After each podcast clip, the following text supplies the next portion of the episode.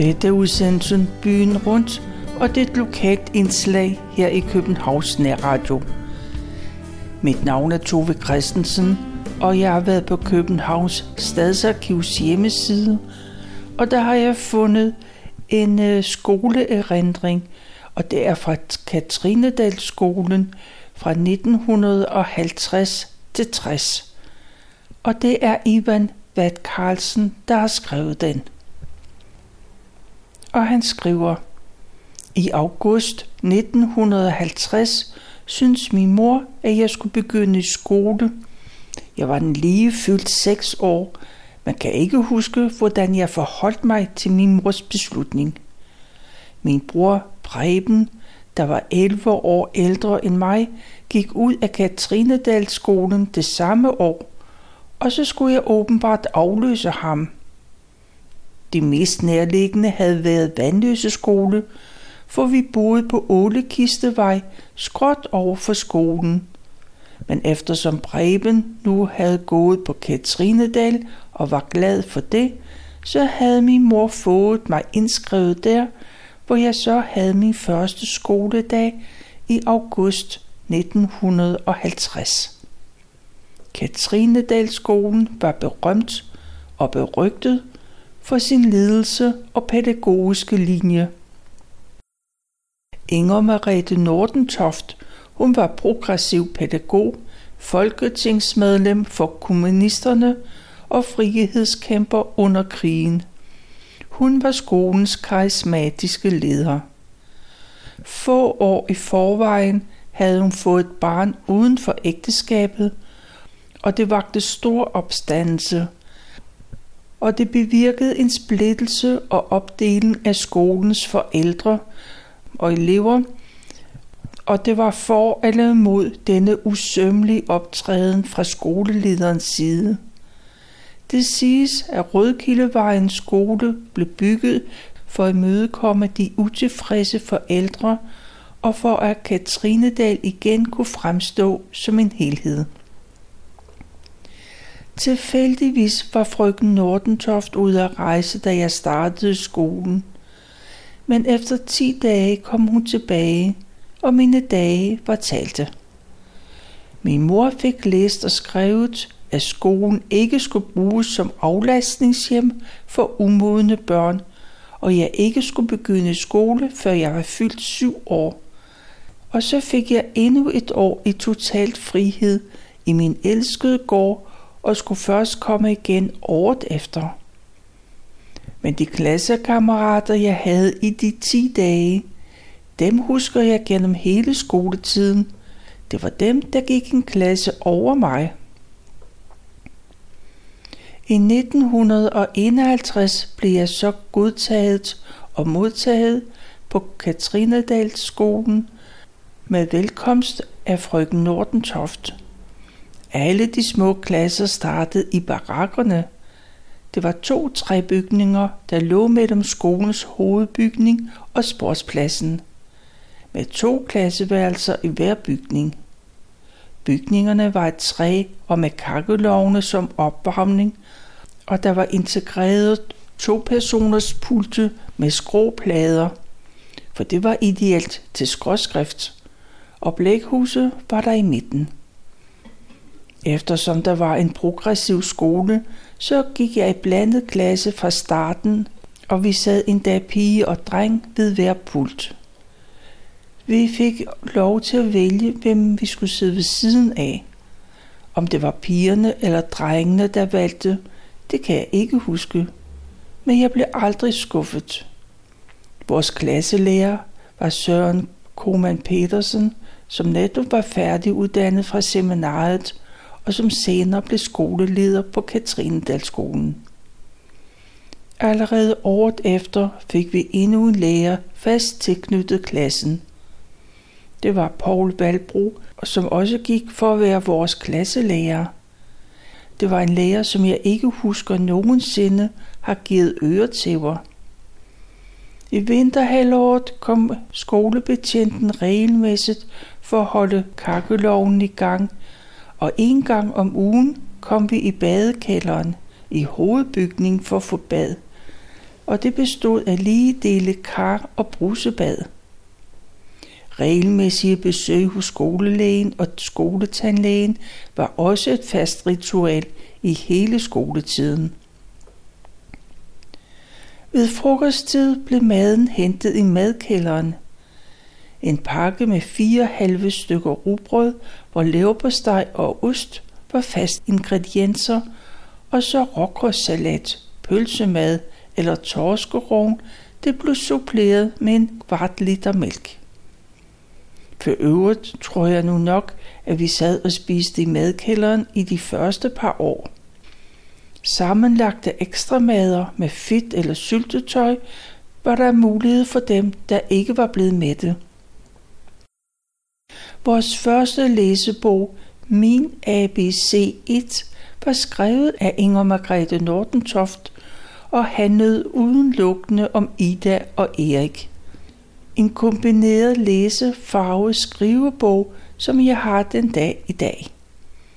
Alle elever var i besiddelse af skolens sangbog, 300 sange og salmer til alle dagens timer. Så dagen startede altid med morgensang i skolens dejlige aula. Det var sange og salmer, der var tilpasset årstiden. Vi små elever fra barakkerne gik så på rad og række over til hovedbygningen, hvor vi blev placeret på stole på gulvet i aflagen. De største elever de stod på de to balkonger ud for deres klasseværelser. Kai Otto Andersen og Knud Hansen tog sig af det musikalske på henholdsvis flyvel og violin, altid overvåget af frøken Nordentoft på talerstolen. Og der var stil over det, og vi lærte de danske sange. Komal Petersen havde en ven, som sejlede på en sandsuger, og vi vidste ikke noget bedre, end når han kom på besøg i klassen. Ikke nok med, at han fortalte om livet på denne sandsuger. Han indtegnede han tegnede den også altid på tavlen, og den dag i dag ser jeg sandsuger alle vegne, så det driver min kone til vanvid. Mine første fem år i underskolen var jeg rigtig glad for. Jeg synes, jeg lærte rigtig meget og klarede mig godt og var glad for at gå i skole. Kammeraterne, hvor vi var mange, der fuldtes hele vejen igennem, var jeg også rigtig glad for. Vi legede sammen i fritiden, vi lavede lektier sammen og kom til hinandens fødselsdage. En gang havde en af dem glemt min fødselsdag, som han var blevet inviteret til. Men min mor inviterede ham efterfølgende hjem alene til chokolade, kage og sodavand. Og det gav min mor et ekstra kryds.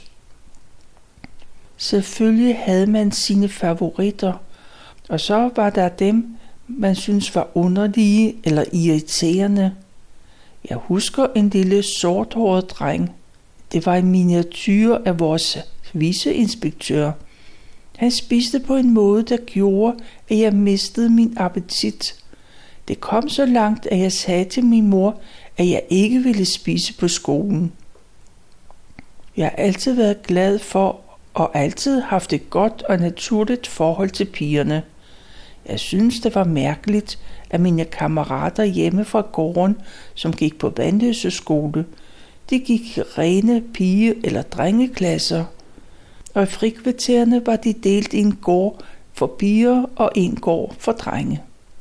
I min klasse var Annelise, Lien, Jette mine favoritter. Og da Annelise sagde ja til at ville sidde ved siden af mig, så var jeg helt oppe at køre. Senere ville skæbnen af hendes og min mor mødtes til et forældremøde, hvor de fandt ud af, at de selv havde gået klasse sammen. Og de aftalte, at de skulle mødes en eftermiddag hjemme hos os. Og så var jeg i den syvende himmel. Både Lien og Jette var meget udadvendte piger og var glade for optrædet. De dyrkede begge ballet og var medlemmer af pigeklubben – det var en talentklub. så ved enhver lejlighed optrådte de med sang og dans.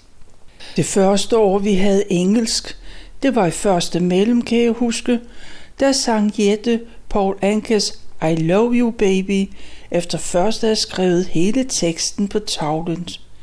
Og jeg var imponeret. Som voksen flyttede hun til Frankrig, hvor hun blev gift med en kendt fransk skuespiller. Men desværre døde hun alt for tidligt i 2007.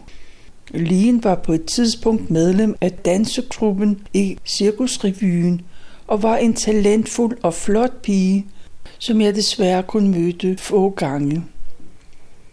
Jeg har stadigvæk et skema fra 5. klasse, som viser en ugenlig skoletid på 32 timer, inklusiv lørdag, som var normalt skoledag. Timerne er fordelt på fagene dansk, regning, historie, geografi, naturhistorie, kristendom, tegning, gymnastik og sløjt. Allerede i de små klasser foregik naturhistorie også i praksis, i det der på den anden side af skolen på Vandløse Allé var indrettet skolehaver, hvor vi kunne få et lille stykke jord. Jeg tror, at det var en frivillig ordning. Her dyrkede vi grøntsager og blomster, og der var altid spændende at komme hjem fra ferie for at se, hvor stort udbyttet var. Mærkedage og højtider blev altid holdt i hævd på skolen. 10 året for Danmarks befrielse, den 4. maj 1955, blev der plantet et træ i skolegården, og der var taler og fællesang. Og ved skolens 25 års jubilæum den 21. august i 59 var der også stor festivitas. De årlige skolekomedier var også en begivenhed, der blev set frem til. Og der havde vi mulighed for at se lærerne på slap linje.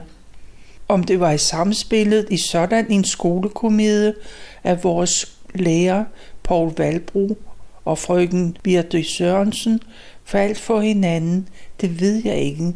Men sjovt synes vi, at det var, da de pludselig blev herr og fru Valbro. 5. klasse var året, hvor vi skulle til optagelsesprøve til mellemskolen. Her blev klassen delt, så nogen fortsatte i frimellem, og jeg gik i første mellem. Heldigvis mange af mine gamle kammerater fra første klasse. Selvfølgelig var det ikke sjovt at skulle skilles fra kammeraterne efter fem år. Til gengæld så kom mange nye søde piger og venner til klassen, og nye grupperinger blev skabt. Første mellem var også det første år med engelsk. Fru Eggers, en sød lille dame, blev vores engelsklærer. Jeg tror nok, hun havde været klasselærer for de piger, som nu blev en del af vores nye klasse. Det var vist heller ikke med den største begejstring, at hun så denne sammenlægning. Men søde var pigerne og temmelig dygtige. Anden mellem blev så første år med tysk, og det var selveste viceinspektøren Henry Worm, der tog sig af det fag. En autoritet, som indgød respekt, og hvor sanktioner faldt prompte. Tre glosefejl var lige med en sveder, altså en eftersidning. Man stod ved siden af pulten og blev overhørt i gloserne. Ved to fejl blev eftersidningen lagt på katedret, hvilket automatisk næsten frembragte den tredje fejl. Men den progressive pædagogik det kom til udtryk ved, at svederen kunne konverteres til en lussing, hvilket mange benyttede sig af. Så behøvede ens forældre heller ikke at få noget vide med risiko for yderligere afstraffelse. Selv pigerne bad om at få denne mulighed for konvertering, men så skulle brillerne også tages af. Fysisk afstraffelse var jo ganske normalt på det tidspunkt, og jeg tror ikke, at nogen satte spørgsmålstegn ved det. Du har jo nok fortjent det, var den almindelige opfattelse. Og kreativiteten var stor. Den mindst gængste form var at tage fat i den ene kind med tommel og pegefinder, og så stikke lusingen på den anden kind. Ro og disciplin var der i timerne, og returneringen til klasseværelserne efter frikvarteret foregik klassevis i to rækker, ligesom alle rejste sig op, når læreren kom ind. Hvorvidt vi fik Worm som egentlig klasselærer, kan jeg ikke huske, men i og med, at han var viceinspektør, og vi havde klasseværelse nummer 3 ved siden af hans kontor, så blev vi mere eller mindre involveret i tillidsposter, især drengene. Nogen blev stationeret ved hovedindgangen, hvor de skulle lukke lågen klokken 8, når det ringede ind, hvorefter de skulle ledsage dem, der kom for sent op til Worm. Det var ikke noget, der fremmede venskabet med de andre elever. Andre var stationeret i læsestuen, der nød jeg at være, bortset fra om vinteren, hvor Worm kunne finde på at komme ind og udpege elever, som kastede med snebolde i skolegården, hvorpå han bad mig om at gå ned og hente pågældende op. Pligtskyldigt gik jeg ned og prikkede den kriminelle på skulderen og sagde, at han skulle op på vorm. Det er løgn, var som regel svaret. Men når jeg så pegede op mod vinduet, hvor vorm stod, så var vedkommende ikke i tvivl mere. Jeg og mine klassekammerater kunne få endnu en fjende til vores netværk.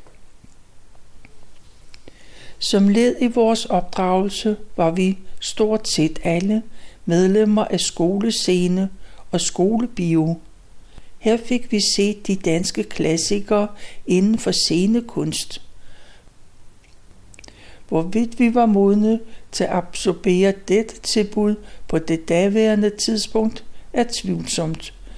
Men vi kom der både i det kongelige teater, det nye teater, og i dag er jeg da glad for det. Men jeg husker tydeligt, hvis nogen kom med mishagsytringer under en filmforestilling. Så blev filmen stanset, lyset blev tændt, og den tilsynsførende kom op på scenen med den store sorte bog løftet i sin højre hånd, og uroelementerne blev lyst i band. Til gengæld har jeg en meget positiv og dejlig oplevelse i erindring om en dag, vi skulle til skolescene.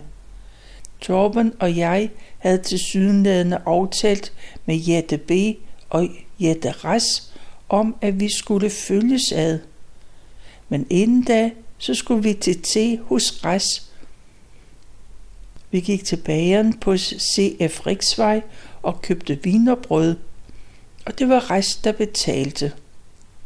Jeg var imponeret over, at hun kunne tillade sig det, men hyggeligt, det var det. Reis i samme moment spurgte, om jeg ville have hendes gramofonblade med Al Saxon, da hun ikke selv gad at have den mere. Det var for mig uforståeligt, men lykkelig var jeg og jeg har den faktisk stadigvæk her i 2014.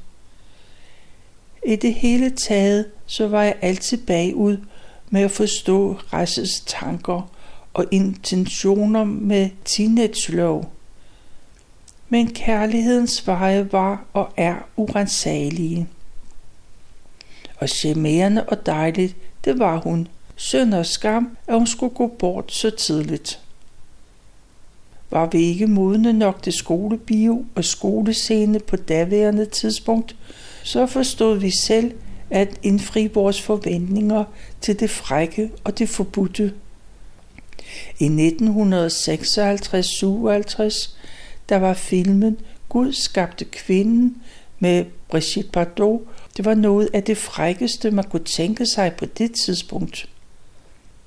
I kraft af min størrelse, så kom jeg ind og så den, selvom aldersgrænsen var 15 år.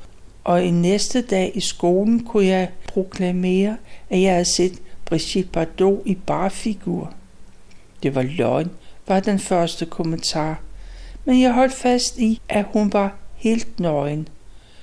Først da de andre havde set filmen, så kunne vi begynde at diskutere sædernes forfald. To måneder efter vores start i anden mellem, så skulle vi på lejerskole. Vi skulle til Lille Katrinedal i Asserbo. I et typisk nordsjællandsk sommerhusområde med masser af plantage, klitter, strand og hav. Kolonien blev indviet i 1940 på foranledning af Katrinedals daværende skoleinspektør. Margrethe Petersen, som var primus motor for projektet, der blev realiseret i samarbejde med Københavns Kommunes Lægerforening. Turene derop foregik på vores medbragte cykler til mejeriet i Melby, til kirken, plantagen og stranden. Søren og jeg dannede bagtrop og var cykelsmede, der som nogen punkterede, og selvfølgelig hentede det jo også. Så undervisning foregik meget i det fri og omfattede både historie, botanik, natur og dansk landbrug, for det meste med Gunnar Olsen. Flaghejsningen hver dag og køkkentjans på skift. Om aftenen var det hygge i pejsestuen med musik og sang. Slageren Tutti Frutti med Pat Boone var netop lanceret i Danmark, og der forsøgte at fremføre den med fuld udblæsning, var Koman Petersens eneste kommentar. Hvad er det for noget bræk at synge? Alt i alt var det dejligt ophold, som skabte kammeratskab og samhørighed – en samhørighed, som dog kun gik til pigernes sovesalstør. En grænseoverskridelse, der medførte øjeblikkelig hjemmesendelse ifølge med formanende ord. Men læreren var alligevel så pædagogiske, at vi fik lov til at være sammen på pigernes sovesal en halv time, før vi skulle sove. Under overvågning. Fjerde mellem blev en turbulent år. Kroman Petersen flyttede til Voldparkens skole for at blive viceinspektør, og frøken Nordentoft blev syg med det resultat, at Worm måtte overtage meget af det administrative arbejde. Derfor blev vi en del forsømte. Og så midt i et eksamensår, hvilket der blev snakket en del om. En forårsdag, da vi relativt længe havde ventet på, at Worm skulle starte timen, så blev vi enige om at forlade klassen og gå til Grøndalsparken. For inden skrev vi på tavlen at gå til Grøndalsparken. Det varede ikke længe, før vi blev enige om at gå tilbage igen. Ingen af os havde godt med, at vi havde forladt skolen midt i timen. Vi kom tilbage til klasseværelset, og på tavlen stod der, Hent mig på kontoret, når I er tilbage. Niels og jeg blev udpeget til at hente form, og vi var overbeviste om, at vi ikke slap levende fra det. Vi bankede forsigtigt på døren, og med spag stemme bekendtgjorde vi klassens tilbagevenden. Gå bare op, jeg kommer nu, var Worms kommentar, og da han få minutter efter kom til klasselokalet, så ringede timen ud. Worm kommenterede aldrig vores springtur, hvilket synes jeg var et kado til ham. Vi kom igennem skoleåret og dens eksamen med skinnet på næsen og sluttede med en Tysklandstur. En udvidet ringtur, som vi havde sparet op til gennem et par år, og det var Krumhan Petersens og Worm, der var med på turen. Det var en 10-dages bustur, før vi skiltes for alle vinde. Nogle fortsatte i gymnasiet, andre realen, og andre igen fik læreplads og begyndte deres arbejdsliv. En epoke var slut, og en ny kunne begynde. Det var, hvad Ivan Vad Carlsen har skrevet om sin skoletid på Katrinedalskolen fra 1950 til 60. Jeg har fundet det på Københavns Stadsarkivs hjemmeside. Og på samme hjemmeside, Mogens Bille, han fortæller om sin skole, om Utterslev skole. Den 12. august 1954 begyndte jeg i første C på Utterslev skole hos lærer Mads Jebsen. Utterslev skole var en annexskole til Bispebjerg skole, så det var skoleinspektør Jørgensen fra denne skole, der bød os velkommen. Jeg mener faktisk at kunne huske, han udtrykte sin glæde over at være på denne lille hyggelige skole, og han godt kunne tænke sig at have sin kontor på Utterslev skole, i stedet for, citat, menneskemyldret på Bispebjerg skole. Men det er nok noget, som min mor senere har genfortalt. Og det var kun mødre, fulgte os denne morgen. I dag er det heldigvis en skøn blanding af fædre og mødre. Mads Jebsen, han var en dejlig klasselærer med dræt ansigt, og så var han blændende god til at fortælle. Han formidlede både det gamle testamente og dyrene i Hakkebakkeskoven på allerbedste vis. Vi havde ham i stort set alle fag, og jeg husker ikke, at vi havde andre læger end Jebsen i de første to skoleår. Og jeg sad på tredje bord i dørrækken sammen med Søren Poulsen oppe fra Storkebakken. Hans far havde en stor møbelforretning på hjørnet af Hyrdevangen og Frederikssundsvej, lige ved Gyngeparken, som vi kaldte den. Det var en trygt skolegang med kun 200 børn på den lille skole, hvor pigerne og drengene var skilt i drengeklasser og pigeklasser, og vi stillede op på to snorlige rækker, når skoleklokken ringede ind. Gårdvagterne var enten Kolding Nielsen eller fru Jaral, og det var bestemt ingen af de to, der havde disciplinærproblemer. Colin Nielsen var frygtengydende, når han spangulerede rundt i skolegården, stor og mægtig, med nakken lidt tilbage – men han havde altid fire, fem, seks børn, både piger og drenge, der hang ved hans arme. Fru Jarl satte mig i gang op til væggen ved vores pavillon, for de havde skubbet en bagvedstående, som havde skubbet til mig, da vi stod på række, inden vi Klasseviks fik lov til at gå ind. Rækkefølgen blev afgjort af, hvor pænt og stille vi kunne stå. Vi var 36 drenge i klassen, som socialt var opdelt i de pæne børn fra villekvarteren omkring Hyrdevangen, Skolevangen, Storkebakken samt villevejene omkring Mosesvinget. Og så var der kammeraterne over fra arbejdskvartererne omkring Rentemestervej, Smedetoften og Ringertoften.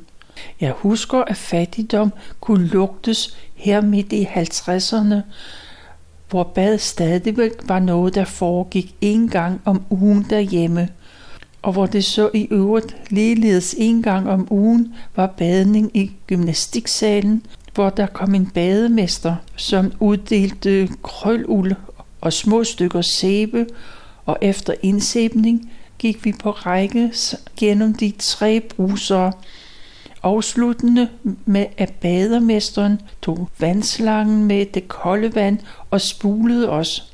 Jeg kan genkalde mig duften af bademesterens pibetobak, som man indtog i rigelige mængder under badningen. Under afklædning åbenbares der en bunke møgbeskidt undertøj med bremsespor og sure sokker, der vidnede om, hvor besværlig tøjvask var på det tidspunkt. Jeg husker også de sorte ringe af snavs rundt om halsen på en af mine kammerater, der ligeledes vidnede om hygiejnens strange kår helt op i 50'erne. Jo, fattigdom kunne lugtes.